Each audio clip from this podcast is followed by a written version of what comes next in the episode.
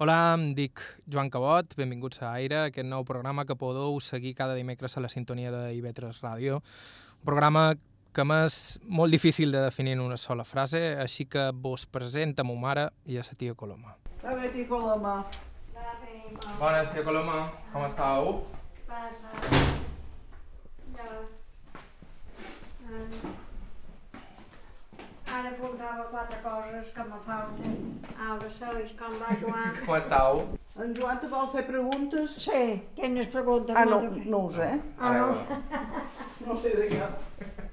Te vol fer preguntes? Seu, Jo, no sé de què, tia Coloma. Com estàu? seu, Joan. Me n'he d'anar- te va bé? És que me n'he d'anar perquè... La tia Coloma es diu Coloma Estarell Esquegles i no és tieta meva, ni tan sols és tieta de ma mare.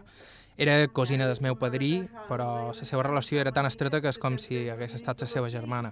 A na Coloma tothom la coneix com na Coloma de Can Grau, per la finca on ha viscut tota la seva vida, a la carretera d'Orient, just a la sortida de Bunyola. Que sempre ell m'havia dit a les 5 i tothom l'esperava i són les 6. Ma mare té raó, sempre faig tard. No, és sobre eh, eh, coses sobre quan éreu petita, com era Bunyola llavors i com han canviat les coses. Oh, sí, de cap a peus ha Per canviat això, tot. això segur que m'ho sabeu contestar. Començant per nom o per néixer? Per tot. Bé. Per tot compte...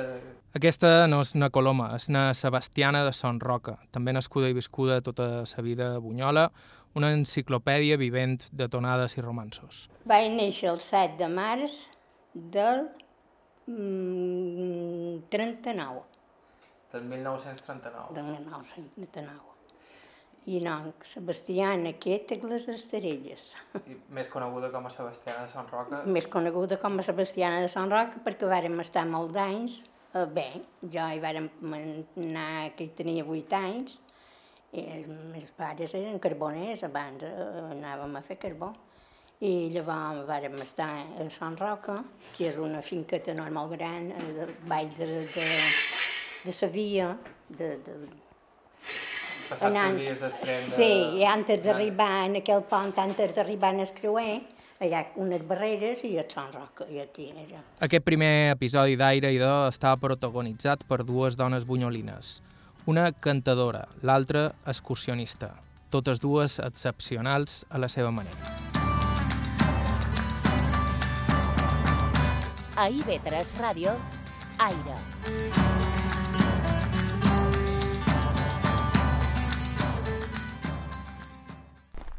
Fa, fa oretget, però Gràcies. el sol és ben calent. Sí, sí, sí. Ara tenim... No, no vols d'això ni... Ep, ep, borratxo! Eh! Què passa? Què passa? Eh, ep, ep! Au, passa de fora! Ep! Au, vés, vés de fora, està per allí. Ah, aquí està. Mira,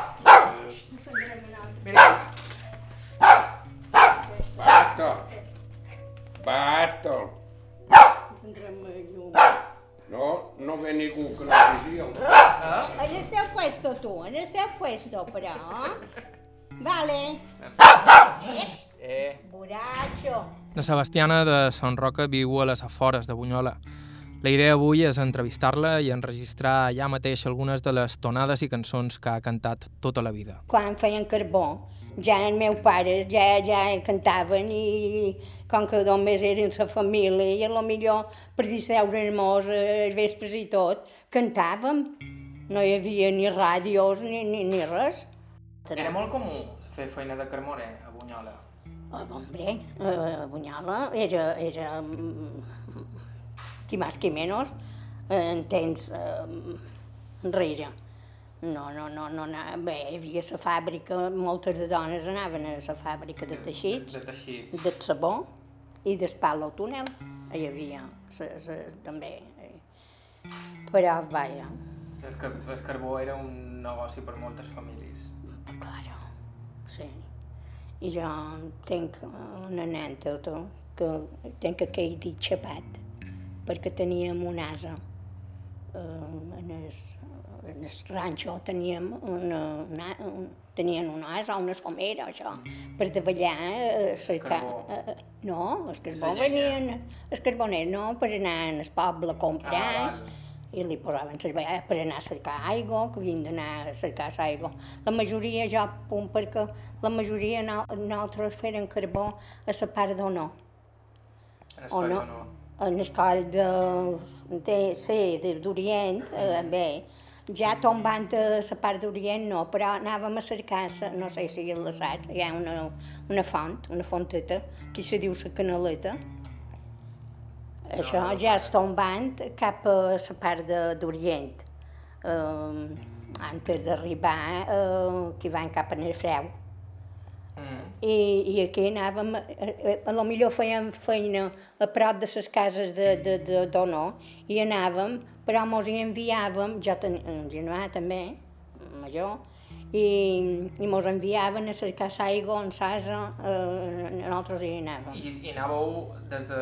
Des de, lo millor, des de, de vora les cases de, de, d'Onó, No, anàvem, eh, anàvem allà, perquè ja era eh, tombant en el coll, va, a baix de tot. Els que venien, venien a missa primera, mon pare i ma mare, en Sasa, i ve- i feien la compra, i, i compraven per tota, per tota la setmana, i, i, i nosaltres a lo millor ja no davallàvem. Eh, Ja no eh, ja no baixàvem perquè el germà mo- mos, mos vestia bé. Hi ha, hi ha anècdotes que, que m'han contat, perquè jo no me'n record, però un dia quasi, quasi se va encendre la barraca. Per, perquè... No, que, perquè feia, quan la majoria es carbó se feien l'estiu, però també mm, ja tombava, eh, i si feies, tenies una, una miqueta dins la barraca, ella ho sap més, un fogó, i tenies una llauna darrere, però perquè la barraca era tapada de, de càrrecs. Mm. Era mm, palos i, i tapada de càrrec. I una espira del foc se'n va, se'n va anar cap a darrere sa, Cap a darrere el cap, a, cap, a, no, cap a darrere hi havia una La llauna. Cap a darrere la llauna. Ca, I el meu germà, així com va por amb un tassó, va donar aigua. Nina, sortiu, que, que s'encén, que la barraca, però no va passar res de nou. Perquè eren tres, el germà, mon pare i ma mare, i, i hi havia, hi havia, feien dues barraques. Tot, gèiem a dins la mateixa barraca. Eh, el matrimoni i, i nosaltres en, en, en els costats i eren petits i llavors feien una que era illa de caruda per la bici. Estàveu a No hi escola? anàvem a escola. Estàveu tot... Eh, Varen combregar, varen combregar tant la meva germana com jo i, i després d'haver combregat un poquet d'enzimat de xocolata i canossa i per amunt cap en el ranxo. No, no, saps què t'he dic? No, eh, era un temps molt, Molt, molt, molt. molt, però vivíem, vivíem Si sabien així. llegir i escriure, era perquè Sí. eh, al vespre eh, ton pare te n'ensenyava un poc, llavors Si en sabia, ton pare. en l'hivern, en l'hivern que eres en el poble, eh, anaves a repàs al vespre, Sí, els mateixos mestres feien repàs al vespre vespres i donaven... anaves a repàs als vespres. Aquesta veu és d'en Biel Guitarró, la modena sebastiana, que també va viure de carboner bona part de la seva vida. No, no, és que, és que- vivies de, de, de, de, de, de, de lo que feies. Si venies carbó, venies l'escorxa, venies, i, i això, no. en combinació amb l'amo de la finca. No, Un no. carboner, Li havies de pagar a l'amo de la finca. Eh, Ell te pagava el que volia. Per- per el carbó. Entens, sí. passava una cosa, que per agafar un ranxo, primer el l'amo anaves a veure el redol, au, aquell redol així, així. Uh, I l'amo a lo millor t'of- t'oferia un duro per dir qualque cosa en aquell temps. Uh, I tu li demanaves a sis pessetes o a set pessetes i, i, Negociaves O un poc. i hi havia Aquell d'això. Però llavors quan eh, vos havíeu posat d'acord, ara dona aquell preu. No? I- Qui i te ja- pagava era el carboner. I abans eh, hi havia que t'assenyaven les usines que Sí. podies, que podies tallar. quines podies tallar. No, no, no, és que els feien una Venia. senya. Mm. venia el I ben, i ben alerta a, Tocar-ne a una- tocar-ne cap que no estigui assenyada. I el Sí. forestal duia un martell, Ah, sí, és forestal. com un destraló. Eh, I uh, que teniu com un cunyó. en el cul de, destraló tenia unes lletres que deia districte forestal. Mm. I pegaves un cop així i les lletres te quedaven gravades allà. Clar. En terra. Havies d'estar No, alerta. en terra, no? Sa, La, la fusta. a, a, sabre. Sabre. A sabre. Sabre, oh, en el repassot de sabre, una Sí. arrel... I havies d'estar ben alerta, segons on, a tocar-ne cap que no estigués marcada. Eh.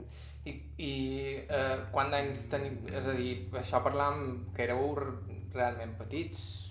Mm, Sí, no, ell, ell va seguir més, però Tu seguir més fera, anys. feren més feina fora de, de Bunyola. Sí, nosaltres eh, per Bunyola vam fer poca feina. Sí, feren feina més per la part. No n'hi vam fer mai. I donava per tot l'any fer, sa, tem- fer No, no, ells, ells, eh, no, perquè ells feien, mm, llavors, no només eren l'estiu que fèieu, fèieu feina, no? No, nosaltres eh, en feien d'estiu i d'hivern, de carbó. De... Hi havia I diferències. temporades feien carbó i temporades trebaven pins. Eh, feien llenya. Trebaven pins i feien metro, llavors li deien metro. I què és això del metro? Metro, no, és espí, que eren unes peces, la soca d'espí, feies unes peces de dos deu, dos metres deu, i els apelaves i els... sí, un pelat. I llavors se no duien de cap a Palma, una serradora, i feien posteta per fer. Sí, En, en aquell temps, quan jo era petit, eh, antes de d'això anar el cartó i el plàstic, eh, canastros i caixes de fruita i sí, això, sí, tot, se tot, feia se feia, Tot en pi. de, de la fusta aquesta. sí. I això volien fer una sitja cada 15 dies. I s'enduien el carbó, i hi ha tant de quintar de carbó perquè anaven a, a Anava a tantes quintar, quintar. anava a quintar. I ha tant de quintars, tantes pessetes, i cobraves i l'amo del carbó, perquè també hi havia amos que compraven el bosc. No, I deia que he dit, tenc aquell tall, i és que teníem un asa, un momentet, teníem un asa, Mm. sempre van tenir, I, i un dia havia volgut mm, potejar la meva germana, li teníem una porada. I la meva germana feia brancam, amb un destralonet, feia brancam, eh, de, de mare. Vo- jo vaig veure l'asa i me'n vaig anar a agafar allà on ella tenia la seguida a tallar.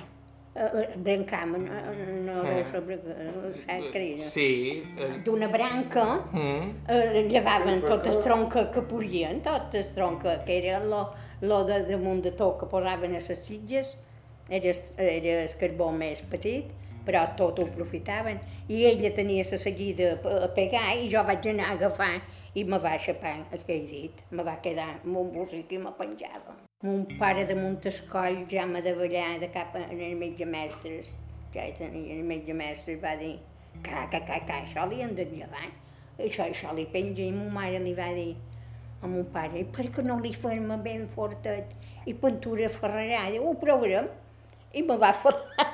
A mon pare, a mon mare li va donar la idea, i perquè ell deia, no, no, això li penja molt, perquè veus d'aquí quasi, quasi és, és de més el sunglo, que...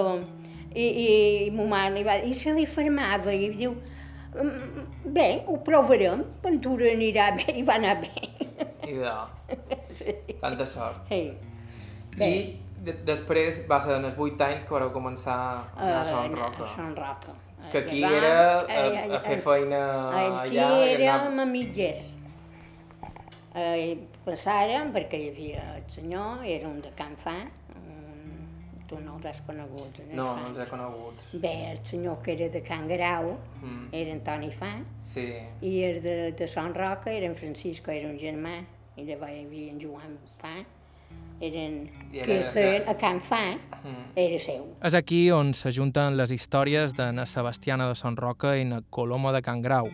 Totes dues varen viure lligades a la mateixa família de senyors, la família Fa, que controlava diverses possessions a Bunyola. Un tema curiós de les possessions eh, algunes és que han quedat engolides pel poble, perquè Bunyola, es primer, la primera vila de Bunyola, la vila antiga, eren quatre carrerons escalonats i dos que eren paral·lels, però tot l'altre ja era eh, terreny que era sagrat el terreny. A Bunyola, per exemple, la majoria de cases antigues estan fetes a la falda de la muntanya del Castellet. Aquesta és Bàrbara Suau, editora de la revista local Es Castellet i autora d'un llibre on precisament es recull la història de les possessions al poble de Bunyola. I a més, moltes estan fetes damunt la roca o aprofitant coves que encara queden a l'interior de la casa.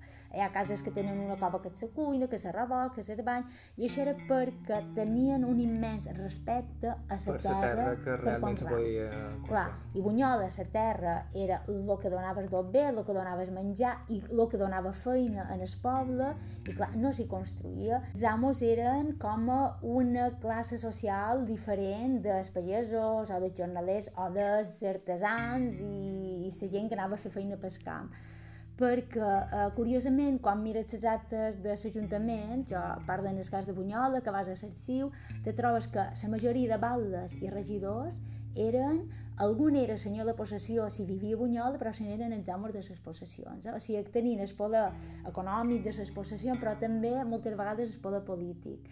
I eh, a nivell de poble, a la fi o filla d'amo era un poquet diferent. Per exemple, conten la gent del poble que els fills d'amos o els amos mateixos tenien un palco que deien que era una llotja durant les festes, ara que som eh, a Bunyola per les festes de Sant Mateu, abans la plaça estava tancada i havies de pagar per poder seure una cadira dins la plaça, no? i si no, ho havies de mirar de, de fora. I els amos de possessió i els fills dels amos tenien aquest privilegi també. I se podia accedir fàcilment a ser amo des d'una casta inferior? Jo eh, no conec casos així, eh, perquè clar, això era també com una herència. Eh? Normalment els contractes mateixos duien el nom de, del pare, per exemple. Si el pare moria i el fill l'agafava, el mateix contracte només canviava el nom. Vull dir, el mateix test que, que havia fet el notari, a lo millor durant 100 anys és el mateix, que passa de pares a fills o nets. L'home normalment era el que controlava els treballadors tant si fossin homes com dones, perquè la madona no solia sortir de recinte de les cases. I en canvi l'amo anava de la clasta cap a els cementers o cap a la Garriga o la muntanya. I aquí a Bunyola tenim el fet concret de les cuidores d'oliva, que Bunyola és un poble dels millors productors d'oliva de Mallorca, i, i l'amo era el que controlava directament les cuidores. Eh, qualsevol de la família cuidors d'oliva Bunyola. Jo, ma mare me conta que fins i tot en arribar a la possessió eh, els amos el primer dia tiraven els paners al vol a veure qui els agafava primer, una manera de repartir els paners, i tot ho feien els amos, els controlaven a veure si cuien aviat, si s'aturaven, i en canvi la madona controlava un poc més les dependències de la casa i els productes elaborats un poc, no? I també se'n cuidava la madona de sabiram, gallines, quiques, endiots i desconills, normalment. I una altra feina que no han dit és de pastar, que era molt important, el pa, que feien per tanta gent, no? Solia estar ajudada la madona, a més de les dones que he dit, de la criada, la cosidora, qualque emblanquinadora, solia tenir el pastor que la solia ajudar a fer el pa, a pastar, perquè clar, també feia falta força, i a dur aigua, perquè clar, no tenia aigua corrent, i normalment el pastor, o un al·lotet, que de vegades li deien al·lot, un mosset, també ajudava la madona. Però ella quedava dins les casa, no, No es movia. sortir. No. A Bunyola, la majoria de possessions són molt grans, perquè clar, tenen molt, o tenien molt d'olivar, ara teni, tenen més a malderar, però també tenien molta muntanya, no? I hi havia molta extensió per anar a fer feina, i clar, i l'amo era un poc l'encarregat de llogar i controlar els treballadors. I tenien un personal fixo, que solien ser els missatges, que eren un poc els que valien per tot, eh? que era com a la mà d'obra que ajudava l'amo també fer la feina més feixugues, però també hi havia especialistes en determinades feines com els parells, que eren els que controlaven el parell de bous o de vistis per llaurar, hi havia els joguers que controlaven les egos, hi havia els porcarets, eh, els, els aixecadors, els de la tafona, tot això ho controlava l'amo.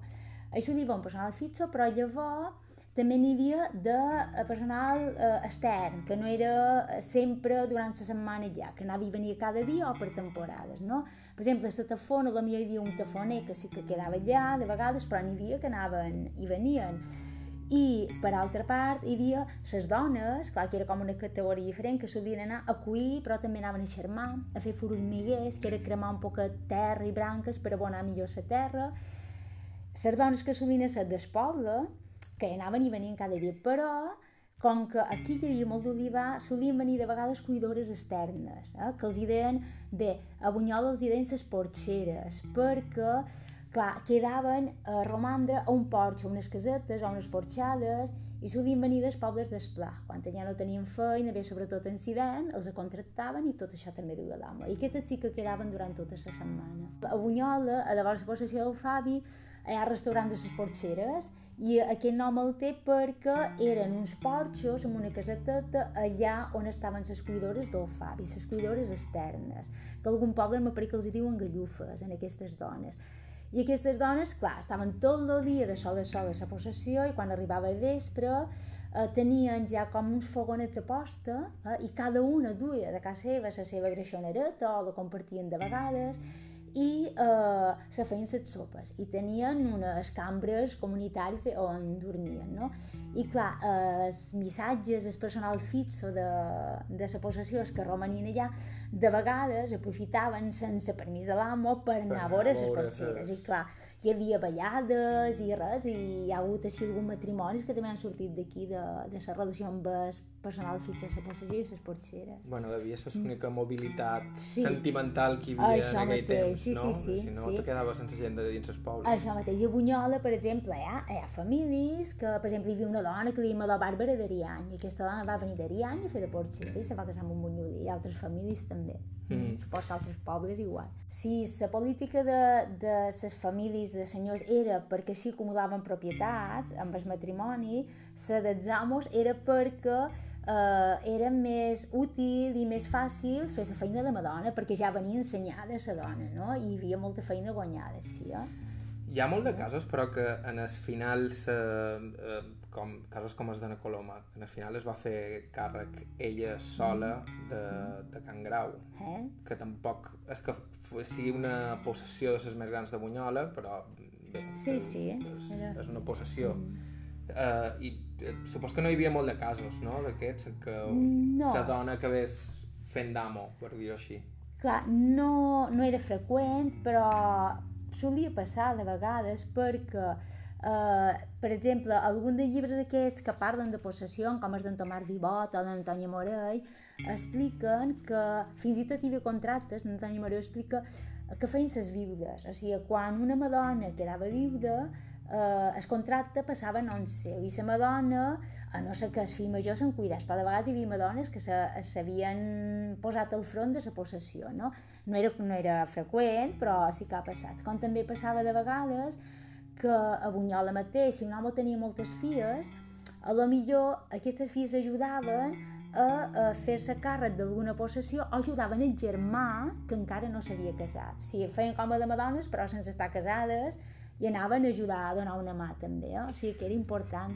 Les possessions, la jerarquia dels senyors i amos, formaven un sistema directament hereu del feudalisme que a Mallorca va perviure fins la irrupció del turisme. Un sistema que a llocs com Bunyola, a la falda de la Tramuntana, va imperar durant segles i segles. I és en una possessió on va néixer i viure gairebé tota la seva vida na Coloma. Mon pare sempre va estar a Can Grau, no.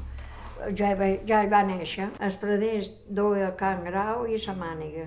Era l'amo de, do, de dos puestos. I mon pare va estar sempre a Can Grau.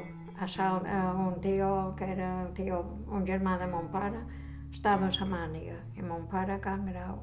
Estàu escoltant Aire a IB3 Ràdio. Continuam després de la pausa. A IB3 Ràdio, Aire, amb Joan Cabot. Y todos los días encanta. Aire, dimecres a les 10 del vespre a IB3 Ràdio. La nostra emblanquina d'hora, sa ganareta fa córrer, lo negre blanc fa tornar. I sa garnereta fa córrer, lo negre blanc fa tornar. i tot lo dia sent cridar. Mu mare, mu mare meva, jo no puc cridar sa meva, perquè no me respondrà. I jo no puc cridar sa meva, perquè no me respondrà.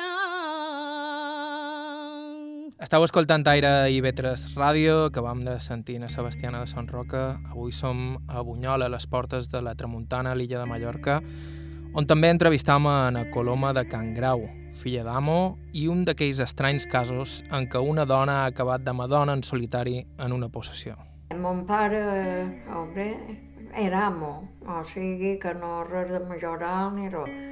Tot feia una renda i tot els fruits i tot. Mon pare era el que venia i feia, era tot seu, perquè primer feien això.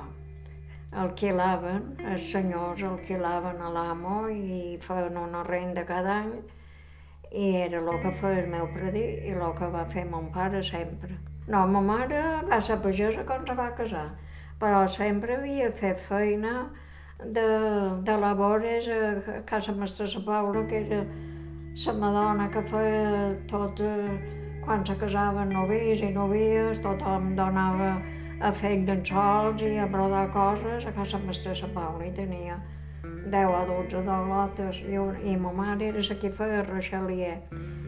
Quan se va casar, anar a Can Grau, va tornar pagesa, però no ho era. Uh, jo era la segona, el meu germà Pere Andreu, i llavors jo, llavors en Sebastià llavors en Gori. Érem quatre. Jo era la segona. Perquè a Can Grau hi havia de tot. Mig hort de taronges i l'altre mig hort era quan hi havia pomes, pomes, peres, eh, nísperos, que jo record que coïen, hi havia nísperos, i mon pare tenia aquesta dona i cada el dilluns, era el, di, el dimarts de matí, en el tren de les set, el carro de ballava carregat de caixes i els duien en el tren i aquesta dona tenia un carrito o no sé què i anava en el tren a cercar la fruita que mon pare li enviava i mon pare el dissabte anava a cobrar. El que és ara la plaça Major era el mercat, jo l'he conegut. Clar, tot funcionava, la majoria de possessions, amb un contracte, el contracte d'arrendament, no? Escoltam de nou a l'experta en possessions bunyolines, Bàrbara Suau. I el senyor eh, podia tenir o bé un amo a la possessió o bé un majoral, que la diferència és que el majoral cobrava un, una quantitat fixa de dos bés i en canvi l'amo llogava la possessió en el senyor i l'amo pagava cada mes per setembre, justament en aquesta època, mm. pagava una quantitat de lliures, en milers de lliures, en el senyor de possessió, però ell va fer tot el que podia per poder-hi guanyar de molt el que havia pagat a l'amo. No? Ell tenia l'obligació de pagar una quantitat fixa i llavors com més feina feia, més profit treia la possessió, més, més guanyava ell. Més no? guanyava ell. I en canvi el majoral tenia eh, un de fixes, no havia de donar res a l'amo, però havia de pagar, havia de pagar un de fixos. Eh? Bé, això de donar res a l'amo mm, parlava de dos bés, però sí que hi havia una estipulació de, de productes de la possessió que havien d'arribar eh, en el senyor també.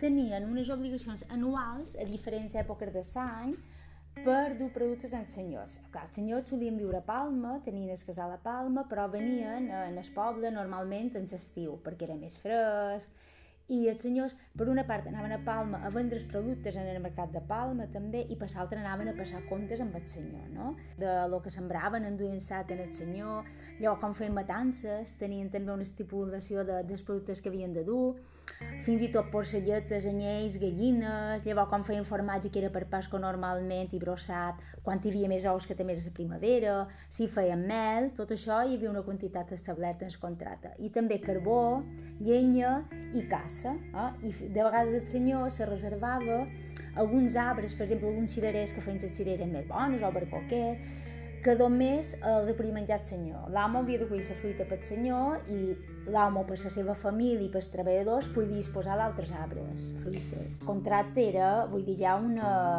estar sotmès en el senyor, perquè se feia davant notari, i, per exemple, el senyor era com que si te tingués molt controlat. Hi havia un control encara que el senyor no anés a la possessió. Però, per exemple, quan els amos feien el contracte, que solia ser entre la Mare de Déu de setembre, com per el dia 8 de setembre, que li deia la Mare de Déu dels missatges també ha de ser bregues, perquè sempre hi havia bregues, això els contractes de l'amo en els missatges, però també se solien firmar els contractes amb els senyors, davant notari, i figurava tot un inventari de lo que el senyor tenia a la possessió. Que aquest inventari, de vegades, amb 200 anys, és el mateix, perquè, clar, el senyor no vol perdre res de lo que té, fins i tot ni una eina de setafona, ni cap carro, ni res. I, clar, i els amos se comprometien a respectar o a restituir si qualque cosa se feia malbé.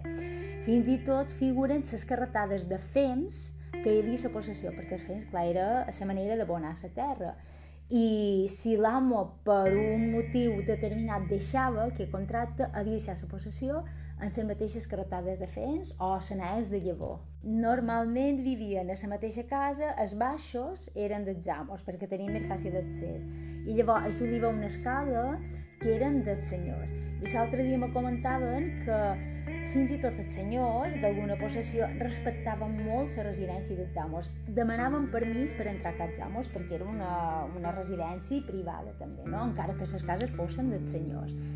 I clar, i a casa amos hi havia la gran cuina, que era allà on se reunia eh, tota la gent fixa per, per menjar, no? També s'hi feia mal temps, hores vespres, allà on se passava rosari, que era obligació, eh? que l'amo, no se m'adona, l'amo controlava el tema de rosari normalment, i allà on s'elaboraven també tots els productes des de bé sabó, eh, soli, que també anava eh, a les alfàbis de rebost i això. A Mallorca ja diuen tant a les possessions com a les cases o a les famílies que se m'adona dos manets. Realment l'amo tenia com a el control i el manteniment de les terres, però la casa, que era el nucli, o les cases que deien que eren el nucli de la possessió, allà on se concentrava tota la gent, des d'allà on sortia tot el que se feia, o s'emmagatzemava tot, la Madonna un poquet era la que controlava, que diguem, el poblet que devia ser les eh, cases de possessió. Clar, ella s'encarregava mm, s'encarregava de, sobretot, fer menjar, perquè, clar, en aquella, en aquella època, sobretot fins a mitjan del segle XX, hi havia molta, molta gent a la possessió. Hi havia gent que hi, eh, hi romania, com a missatges, de vegades porcarets i això, que millor els mantenien allà, i gent que hi anava cada dia del poble. I la Madonna cada dia, migdia i nit, havia de fer menjar per tothom, fins i tot berenar, la matinada, les sopes, les sopes de llet o fins i tot sopes amb verdura. I clar, fer menjar per de 30 persones a lo millor eh, t'ocupava tot un matí o tot una hora baixa. A més del menjar, havia de mantenir les cases, que eren enormes, més o menys en bones condicions, les dels amos i les dels senyors també, perquè ho trobaven bé quan hi anaven. I a més de tot això havia de gestionar tota la producció casolana, com conserves, sermatances, des de fer figues seques, olives, tot aquest tema, la Madonna també. La bugada, eh?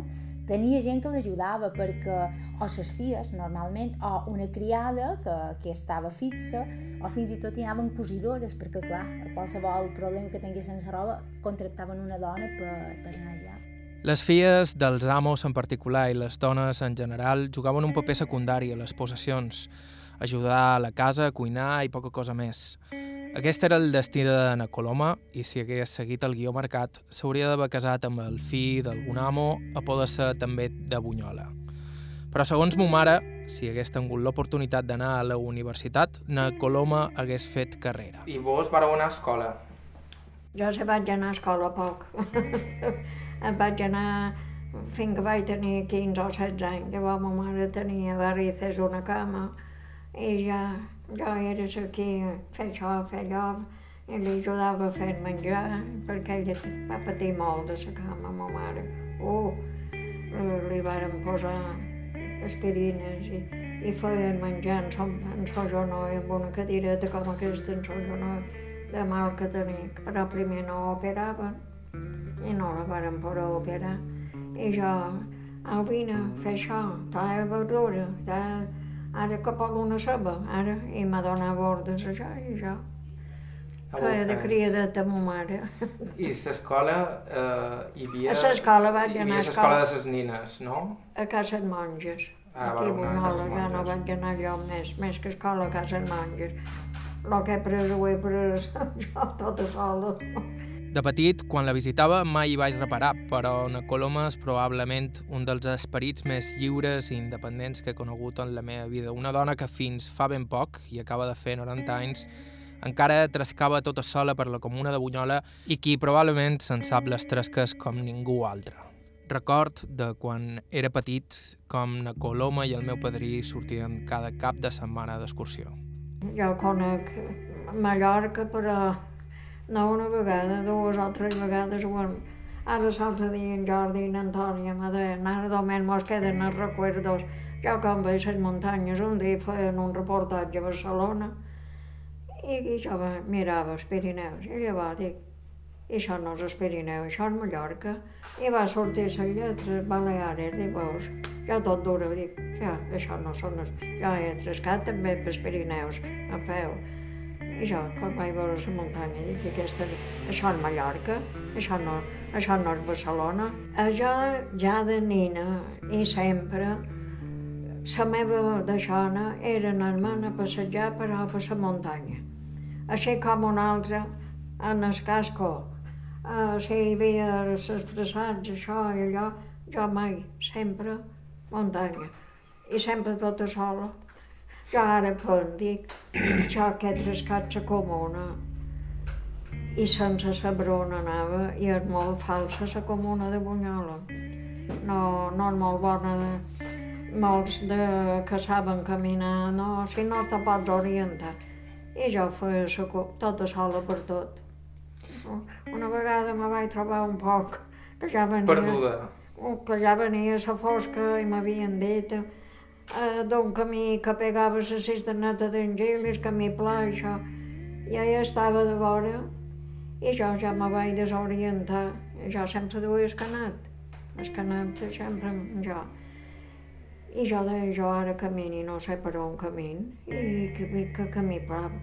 Me vaig posar com a nerviosa, quan vaig arribar un moment, vaig veure una davallada i dic, ah, ja, allò és la cisterneta d'Angel. Me vaig mullar dret. Aquí caic aquí m'aixec, fins que vaig a ser la cisterneta d'Angel. Com vaig a ser la cisterneta d'Angel? Llavors vaig haver de donar tota la volta. I llavors vaig trobar el camí aquí on jo cercava que havia de sortir. I estava de vora, però me vaig posar nerviosa perquè ja era tard. I jo deia, quedaré per aquí de dins nit, no en sortiré d'aquí. A, a Can Grau ja me n'anava a trescar a la comuna. Cada diumenge a hora baixa, quan el meu germà se n'anava, jo agafava els canets, travessava Can Grau, pujava per Grau, per amunt. En espanyol de no, no hi pujava, no, no ho deixava. I dret per amunt, i hi havia un pas allà, un pas a damunt, s'arbossà, i jo m'amollava per aquell pas i pegava damunt el coll d'Orient, i llavors carretera i per avall. En Jaume Carol em va dir un dia, i tu davallaves el pas aquest? I jo aquí som home no l'he davallat mai. I tu com el davallaves? Dic, me seia. Com que el pas era, feia això. I me seia, posava mà a cada banda, i rossegant, rossegant, i quan arribava pegava un bot, i ja era dins el parat. I n'he fetes moltes de borrades, perquè són borrades que he fetes jo, d'anar-me'n tota sola. I el meu germà en Gori sempre me deia, t'ha anat de dur el canat, i si t'endús el canat, no t'abandonarà. I en mullar el ca gros, el ca tot d'una mordirà aquí on tu ets, posen el nas en terra i mordirà aquí on tu ets. I no te'n vagis sense el canat, perquè el canat no te, i era vera, no se movia mai, de debò anava i venia, anava i venia, però totes les passes que jo donava les donava el canat. I ell anava i venia, i jo li feia un joquet i se'n tornava, i el meu germà sempre me deia, mollàs que gros, mordurà aquí on tu ets, però si no, no te trobarem, perquè no sabrem on hem de venir a cercar. Te'n vas sense saber, sense to ni som, i era vera. Ho vaig fer molt de pits en això. Partíeu i no dèieu on partíeu, mai. No, això estic ara a Can Grau fa 30 anys o 30, 30 anys, que antes de sortir de Can Grau, la meva volta de dins Can Grau, pujava per les Maioles cap a el Grau, per amunt, i, i davallava per Coll d'Orient. Això, jo, un poc antes de sortir de Can Grau, jo ara ho penso, dic, n'he fetes moltes de borrades, jo tota sola, perquè són borrades, jo, jo ara ho veig. Però com que no he tingut por mai, sempre que vaig estar a Can Grau, anava a caçar cada dia. Jo, i un dia que me va passar un bon punyal, oh, aquest dia el que me va salvar. Eh, jo vaig plegar, es filar els tors i vaig plegar tres o quatre tors que duia, era el ca gros. Sempre venia en de matins a caçar el gros. I jo vaig d'allà, jo sabia un puesto que se feien esclat de sanys perquè hi ha camines per tot a dins. I hi havia, bé, són el que estan tapats ara de, brutó de bosseres i mates. I, i vaig posar a damunt un predisset i vaig anar en els esclats de sang i que sempre davant i darrere. Amb això, un punyal quan se rebenta fa un renou, però quan no és clac. I jo dic, això és un punyal, i va, ja vaig sentir tutú, com va caure. I llavors com se posa a redolar. I jo estava damunt aquest turonet i jo em vaig posar a córrer per dins el caminoi, com que anar a les Maioles cap a el poble, i es ca davant. I jo dic, i per aquí va de ballar espanyol, i torna enrere. I com vaig tornar enrere, es ca de vora jo, de vora jo. I com vaig a ser aquí on hi havia aquest predissat que jo hi tenia estors, jo anava per partir, i és que anava en el meu peus, no se movia. I com es que va ser que, que espanyol davallava, només sentia cric i crac com s'enduia els pins i les, les mates. I jo anava, i quan es que havia de passar, torna enrere i s'arrufen el meu peus i me va fer així. I jo el vaig mirar i me vaig aturar. I espanyol ja el vaig veure. Va pegar un osint i s'osina per avall, però jo el que t'he de dir era com quatre taules d'aquestes espanyol. Està aturat a la paret de l'olivar i jo el veia com davallava. I és que me va mirar com que dir no passis i jo ja no vaig passar. I com que me vaig aturar, jo sentia i llavors ja el vaig veure. Va pegar un osint i s'osina per avall i ell pim-pam i la preduscada que, que s'endú, un penyal. I jo me vaig aturar. Però com d'aquí en el portal de Sant Pastor, 20 metres me va passar espanyol per davant. I jo vaig dir, si hagués passat, m'embolica. És que se va aturar tot, però la mirada que me va fer que com que dir, no passis. Se va aturar en el meu peu, rufadet, i va fer així. I jo vaig mirar, vaig aturar. I ja va, ja, espanyol, ja va ser jo. I va, va pegar usina i usina i tot el que s'enduia, la preduscada, va pegar baix. No me n'han passades de bones. I la comuna, la darrera vegada que hi vaig anar vaig dir Miquel, tu tens raó, no fa molt d'anys. Me'n vaig anar pel Cocorre i vaig pujar pel Puig Gros. Eh, I vaig pujar en els planets, eh? vaig sentir un jeep, dic no vull que me vegi, Miquel en la dona. I vaig esperar que el jeep passés, però se va aturar la caseta i jo ja era tard i jo, quan, antes d'arribar a la caseta, vaig travessar, dic que arribaré a, en el centreforc allà i me mullaré per grau, però me va agafar antes. I se va aturar i me va dir, era un diumenge, i me diu, Coloma, molt n'has de donar de mal de caps a tu, a nosaltres. Diu, ara d'on vens? I jo li vaig dir, de, he pujat per Car Bergantet i per Puig Gros. Me diu, un diumenge, si te passa qualque cosa, no te sent ningú. Fos un dissabte, els diumenges, hi ha gent per tot. Diu, però no. Diu, i què faries tu per Montespernitzà? Coixa. Oh, que te passàs qualque cosa. Diu, tu tens tota la raó, Miquel. Diu, això no ho has de fer. Diu, no. No, ho veig que jo he estat massa massa valenta sempre i no tenir por de res, mai. No he tingut por de res. I que ja ho compren. Diu, no, és que mos has de donar mal de caps. Mos has de donar mal de caps, diu, perquè bon diumenge, qui, te sen... qui vendria per damunt els planets a cercar-te? I aquest dia vaig dir, no, en Miquel té tota la raó, si me passava qualque cosa, hauria de, de, de romandre que me trobarien. Vaig pensar, dir, té raó, i vaig aturar. Va ser quan me vaig aturar I quants anys teníeu? i, pot, i prop de 70. O patura més, això no fa 20 anys. Quan en Miquel era garriguer, un diumenge hora baixa me va passar pescat d'anar-me'n a pujar pel pol, en el poll gros, perquè no vi, de car bergantat per amunt. I el vaig trobar molt llarg. Era l'únic poig que me faltava fer de la comuna. Jo ho volia fer, el vaig fer. Però en Miquel me va dir, mos has de donar molt de mal de cap coloma. Diu, perquè això són borrades, això que fas. Jo li vaig dir, ten tota la raó, Miquel, ten, tu ten tota la raó. La que no té coneixement són jo. Diu, no. Diu, és la veritat. Diu, au, puja. Diu, no, no, he de treballar per grau per avall. Dic, No vareu voler baixar amb el I de, de cap en el carreró de la comuna. I aquest dia vaig dir, té tota la raó, Miquel. Coloma de Can Grau, recent complerts els seus 90 anys. Estau escoltant Aire i Vetres Ràdio.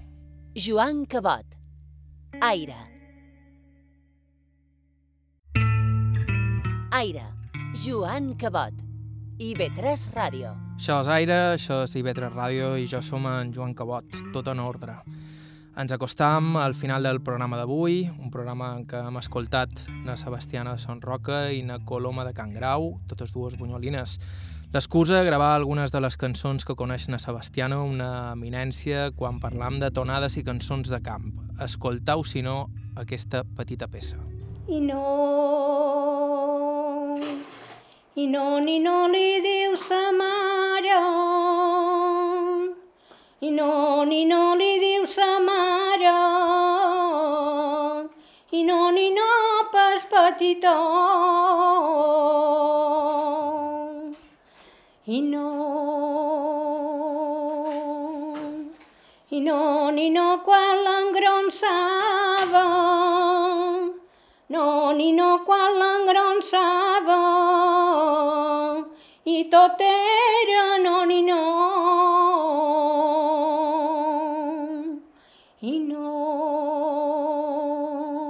i no, no, ni no, ni no, ni no, i no, ni no, ni no, ni neta. No. Ja s'havia dormida. Na Sebastiana de Son Roca va comandar durant dècades l'escola de ball de Bunyola, una escola en què ella mostrava balls i cançons que va aprendre anant a collir oliva. Això va ser quan l'olivarà encara era la font d'ingressos principal de moltes de les possessions de la contrada. Tornam a sentir a Bàrbara Suau. Com se va fer la transició entre, entre l'oliverà i, i l'Ametler? Per, perquè, per lo que dius, abans hi havia més eh, oliveres Sí, sí, que ametlers. Sí. I ara és tot el contrari. A veure, sí. Uh, bé, jo per les entrevistes així que hem fet a veus, que hi va una temporada que la gent major del poble mos contava que quan eren joves, o ells, els pares, havien anat a tallar oliveres, eh? a fer estelles d'olivera i a tallar tot, a, tot el tronc de les oliveres per vendre, perquè sabeu que jo calculo que ja devia ser entre final del segle XIX i la primera, bé, el primer terç del segle XX, se va posar com a de moda o, o va ser una necessitat de vendre les oliveres perquè era una manera fàcil de treure dobbes, no? Clar, perquè la fusta d'olivera és molt bona, molt cara, servia per fer mobles. Ara fa poc, amb aquest tema de, de la xilella, aquesta epidèmia que hi ha dels ametlers, eh, han sortit articles per la premsa de que els ametlers no són només de quan se tallen les oliveres, ja de segles enrere ja n'hi havia, però a millor no tants com ara i mm, jo crec que va ser per una necessitat, les possessions van començar a anar menys, els senyors, clar, durant molt de segles van viure de rendes, fora fer feina, però acaba el segle XIX i, i comença el segle XX i tu veus que els senyors de possessions han de vendre moltes possessions i que les compren els mateixos amos. Perquè, clar, els senyors vivien bé, fora passar pena de tot bés, Els amos, al contrari, feien tot bé la possessió, però els guardaven. Que algunes de les possessions, allò de comprar els amos, també se varen parcel·lar, que Bunyoles, bé, en parlar així pagès se diu establir una possessió. Establir vol dir fer parcel·les, parcel·lar possessions. I coincideix amb aquesta època també, a final des de 9, principis des 20, que se comencen a parcel·lar, llavors més endavant supos que sí que ja se reparteixen amb els herois, també perquè, clar, una de les coses que va fer que les possessions hagin arribat tan grans i tan senceres és que sempre anaven en el fill major, serà el principal. Però jo, quan aquesta filosofia de l'herència canvia, que ja se reparteixen amb els fills, les possessions també se, se perceben entre la mateixa família. Però també n'hi havia que se parcel·laven a corterades, a Bunyola, qui més qui manco té una corterada Couvet, a Son Nassi, a Son Vivot, a Montaner, i era per això, perquè necessitaven bé, també. I en la parcel·lació va arribar el declini de les grans possessions bunyolines i també el fi del nostre programa d'avui. Això ha estat Aire per avui. Aquest programa es fa a partir dels arxius de la imatge i el so de Mallorca, Eivissa, Formentera i Menorca i a partir de material que acabarà formant part de l'arxiu oral de Mallorca de la Fundació Mallorca Literària del Consell de Mallorca. Algunes de les cançons que hem escoltat avui, cantades per Na Sebastiana, apareixen a un disc meravellós publicat per una digital desgraciadament exaurit. Aquesta darrera que escoltam ara mateix pertany a les gravacions de García Matos. Moltes gràcies a Bàrbara Suau, Sebastiana Sonroca i Coloma Estarelles i a Mumara, que ha fet la producció executiva un poc involuntàriament. Ens podeu seguir a Facebook i a Instagram, a Aire IB3, i ens podeu contactar a aire.ib3radio.com. Ivan López a la producció tècnica, vos ha parlat Joan Cabot. Fins la setmana que ve.